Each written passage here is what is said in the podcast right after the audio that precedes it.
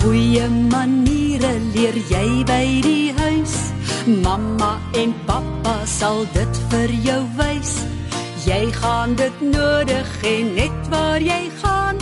As jy eendag groot is, sal jy dit verstaan.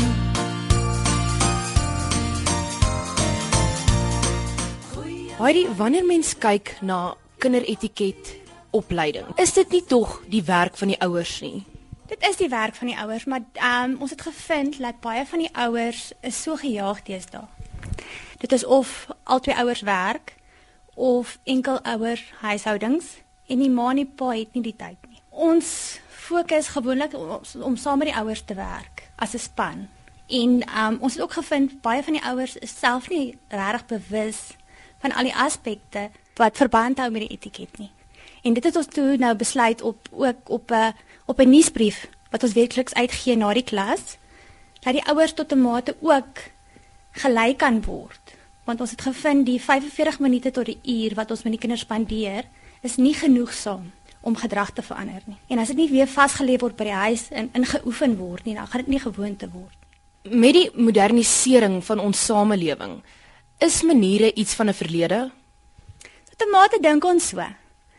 Ons het so gejaagd geword dat dit tot 'n mate agterweë gebly het. En ons het ons almal is nie meer bewus van daaglikse goeie gebruike of daaglikse goeie gedrag nie.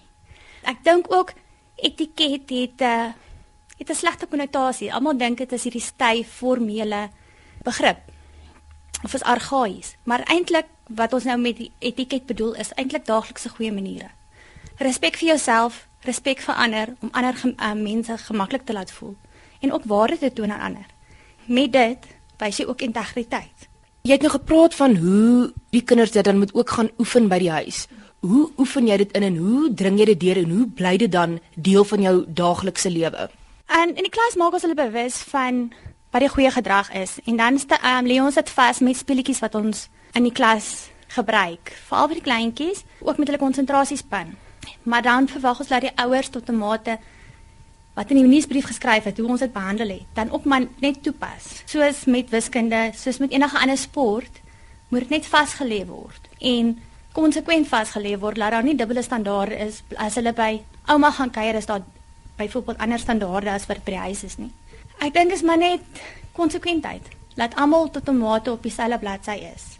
Wat reg is by die een huis is reg by die ander huis. Wat is basiese goeie maniere en hoe verskil dit van sosiale maniere? Ek dink dit is tog verweef. Hoe jy elke dag optree, hoe jy jou interaksie met mense. As jy die basiese beginsels wat ons nou vroeër genoem het van etiket in ag neem in jou daaglikse omgang.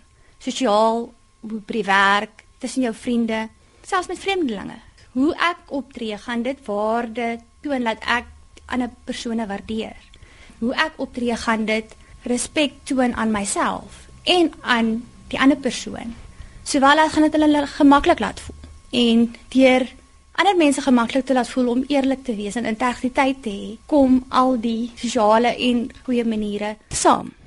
So ek dink dit is regtig dit is verweef. Mense kan dit tot 'n mate nie skei nie. Die kinders met wie jy werk, is dit kinders wie se ouers voel hierdie kind het 'n probleem, die kind weet nie hoe om in 'n sosiale omgewing op te tree nie, die kind het nie maniere nie, of is dit net ouers wie se wie besluit my kind kan doen met bietjie beter?